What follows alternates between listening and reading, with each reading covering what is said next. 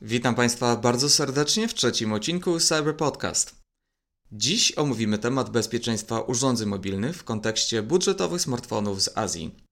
Czy warto je kupować i czy są bezpieczne? Co należy mieć na uwadze podczas kupowania takiego telefonu?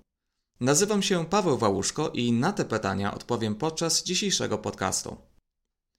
Zacznę może od uzasadnienia, dlaczego wybrałem właśnie ten temat, ponieważ jest dość specyficzny.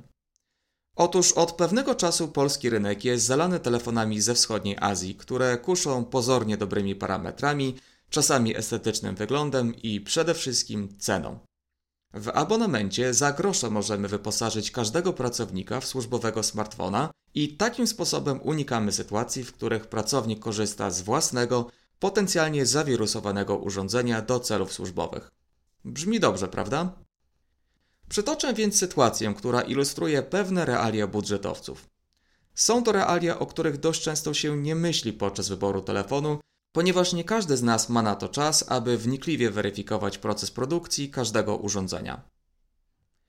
Otóż pewien czas temu zgłosił się do mnie mój znajomy z prośbą o zresetowanie jego telefonu, ponieważ miał serdecznie dość uporczywych reklam. Owszem, na reklamach pojawiał się przycisk X, aby je wyłączyć, ale z drugiej strony chłopak nie po to inwestował w telefon, żeby teraz oglądać reklamy na każdym kroku. Więc zaczynamy pracę i robimy checklistę przed przywróceniem urządzenia do fabrycznych ustawień. Czy backup jest? Jest. Czy kopie ustawień są przygotowane? Jak najbardziej. Czy karta SD została wyjęta? Oczywiście. Po procesie, który trwał nie dłużej niż 10 minut, smartfon jest jak nowy. Firmware jest od producenta, więc żadnych własnych aplikacji ani ingerencji przez nas w system operacyjny nie było.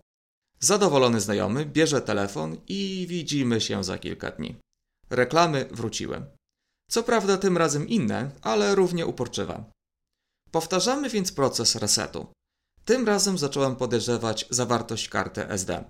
Zadawałem sobie pytanie, czy jest możliwość, że malware przedostało się do karty i takim sposobem wgrało się ponownie po resetowaniu telefonu. Karty SD są tanie, więc kupiliśmy nową z większą objętością. Można powiedzieć czas na upgrade. Po tym upgrade'cie powtórka z rozrywki, czyli reset telefonu numer 2. Znajomy zadowolony, ja się cieszę i tutaj chciałbym powiedzieć i żyło się długo i szczęśliwie, ale wprowadziłbym Państwa w błąd. Reklamy wróciły. Czas więc na spowiedź znajomego. Czy instalowałeś jakiekolwiek aplikacje od momentu resetu? Jeżeli tak, to jakie? Czy używałeś sideloadingu? Czy bawiłeś się ustawieniami dla programistów? Czy podłączyłeś smartfon do komputera używając kabel USB? Ostatnim testem miało być ponowne przywrócenie urządzenia do ustawień fabrycznych, podłączenie do sieci Wi-Fi i pozostawienie smartfona samemu sobie. Niech po prostu sobie popracuje z domyślnymi ustawieniami. Ku naszemu zdziwieniu reklamy wróciły. Wystarczyło na przykład otworzyć program obsługujący wiadomości SMS. Po czasochłonnym badaniu preferencji, aplikacji systemowych i próbach przechwytywania ruchu pomiędzy smartfonem a internetem doszedłem do sedna. Aplikacja systemowa odpowiedzialna za wykrywanie twarzy podczas robienia zdjęć była dziurawa jak szwajcarski ser. To właśnie przez nią reklamodawcy, jeżeli w ogóle można takich nazwać, mieli dostęp do pełnego ekranu urządzenia. Tutaj pojawia się moja pierwsza uwaga i rekomendacja. Uważajmy na egzotyczne, off-brandowe telefony ze wschodniej Azji. Użyłem angielskiego wyrażenia off-brand, ponieważ chodzi mi tutaj o nieznane marki, które sprzedają urządzenia mobilne po stanowczo zaniżonych cenach. Oczywiście nie zarzucam tym firmom nieuczciwych praktyk, np. celowego tworzenia aplikacji w taki sposób, żeby później serwowały reklamy. Częściej robią to wielkie koncerny, które posiadają wachlarz produktów i usług, które akurat idealnie współdziałają z urządzeniem. Naturalnie chodzi tutaj o zamknięcie klienta w swoim ekosystemie. Na przykład nasz smartfon idealnie współpracuje z naszym smartwatchem. Z innymi już niekoniecznie. Ale o tym może w kolejnym podcaście. Off-brandowe urządzenia mobilne charakteryzują się bardzo niską ceną w porównaniu do urządzeń od znanych producentów. Oczywiście na czymś trzeba oszczędzać i stąd pojawiają się pewne kompromisy. Z zasady telefony off-brandowe to telefony poprzedniej generacji. Używają one starsze płyty główne, ponieważ patent lub licencja na produkowanie takich płyt jest znacznie tańsza.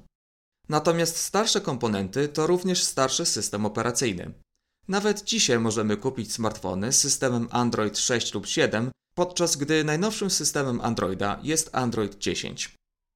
Naturalnie Android 6 posiada starą przeglądarkę, stare zabezpieczenia i starą kryptografię, więc ten system był bezpieczny mniej więcej w tym roku, w którym był wydany. Dla przykładu, proszę sobie wyobrazić, jak bezpiecznie byśmy się czuli dziś używając Windows XP do bankowości internetowej. Nie wiem jak Państwo, ale ja bym się raczej obawiał. Tymczasem takie smartfony z archaicznym systemem operacyjnym wciąż są używane do bankowości internetowej lub sprawdzania korporacyjnego maila. Nie wspomniałem jeszcze o aktualizacjach, a są bardzo istotne. Otóż markowe telefony mają to do siebie, że reputacja firmy może ucierpieć, gdy urządzenia okażą się niezabezpieczone. Wymusza to na firmach utrzymywanie pewnego poziomu supportu, czyli aktualizacji oprogramowania przynajmniej rok-dwa po sprzedaży urządzenia. A telefony off-brandowe? Niekoniecznie. Na większości off-brandowców aktualizacji nie znajdziemy. Owszem, czasami pojawia się ikonka upgrade, ale program z zasady nie znajduje żadnych aktualizacji i informuje nas, że po prostu wszystko jest ok. Z punktu widzenia ekonomicznego taka sytuacja z aktualizacjami jest dość zrozumiała. Sprzedajemy telefon po bardzo niskiej cenie, więc w koszt wytworzenia urządzenia wliczamy oprogramowanie, z którym go sprzedajemy. A po sprzedaży? Po sprzedaży są same dodatkowe koszty i zero dochodów, czyli amortyzacji. Tutaj pojawia się moja druga rekomendacja. Jeżeli nastawiamy się na zakup off-brandowca, traktujmy ten telefon jako urządzenie as is, czyli w najlepszym wypadku aktualne na dzisiaj.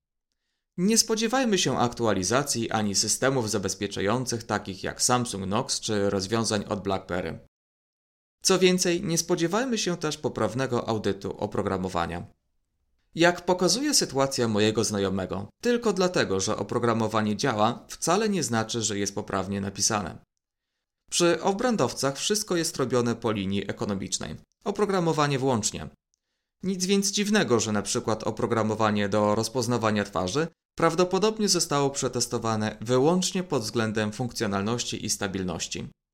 W ogóle nie wiemy, czy programiści trzymali się zasad bezpiecznego tworzenia oprogramowania, np. wytycznych SDLC, czyli Secure Development Lifecycle, które jest standardem w branży. Po trzecie, jak w każdym smartfonie, markowym czy budżetowym, przeprowadźmy audyt oprogramowania. Nie mówię tutaj o usunięciu kilku gier z telefonu, choć to dobry start. Zwróćmy uwagę na uprawnienia, które posiada niemal każda aplikacja. Przejdźmy do ustawień Androida, kliknijmy w aplikacje i uprawnienia. Zastanówmy się, czy dana aplikacja rzeczywiście powinna posiadać uprawnienia do zasobów, które są tam wyliczone. Dla przykładu, czy aplikacja latarka powinna mieć dostęp do mojej listy kontaktów? Zapewne nie. Tutaj od razu bym ją odinstalował, a jeżeli koniecznie chcę mieć dokładnie tą aplikację obsługującą latarkę, a nie inną, przynajmniej odebrałbym jej dostępy do zasobów telefonu. Natomiast w zakładce Użycie danych można wyłączyć dane w tle. Tutaj znowu obowiązuje zasada zdrowego rozsądku. Na przykład aplikacje obsługujące mail powinny mieć dostęp do danych w tle, inaczej nie będą synchronizowały skrzynek. Ale na przykład kamera, kalkulator, latarka w żadnym wypadku. Ciężko jest mi uzasadnić, po co mój kalkulator miałby się łączyć z internetem, nie mówiąc o pasywnym połączeniu w tle. Ostatnią, czwartą rekomendacją jest zabezpieczenie typu firewall, które na nierutowanych telefonach można uzyskać korzystając z aplikacji takich jak NetGuard. Użyłem tutaj słowa nierutowany i już je tłumaczę. System operacyjny Android jest wariantem Linuxa, który posiada użytkownika administratora znanego jako root.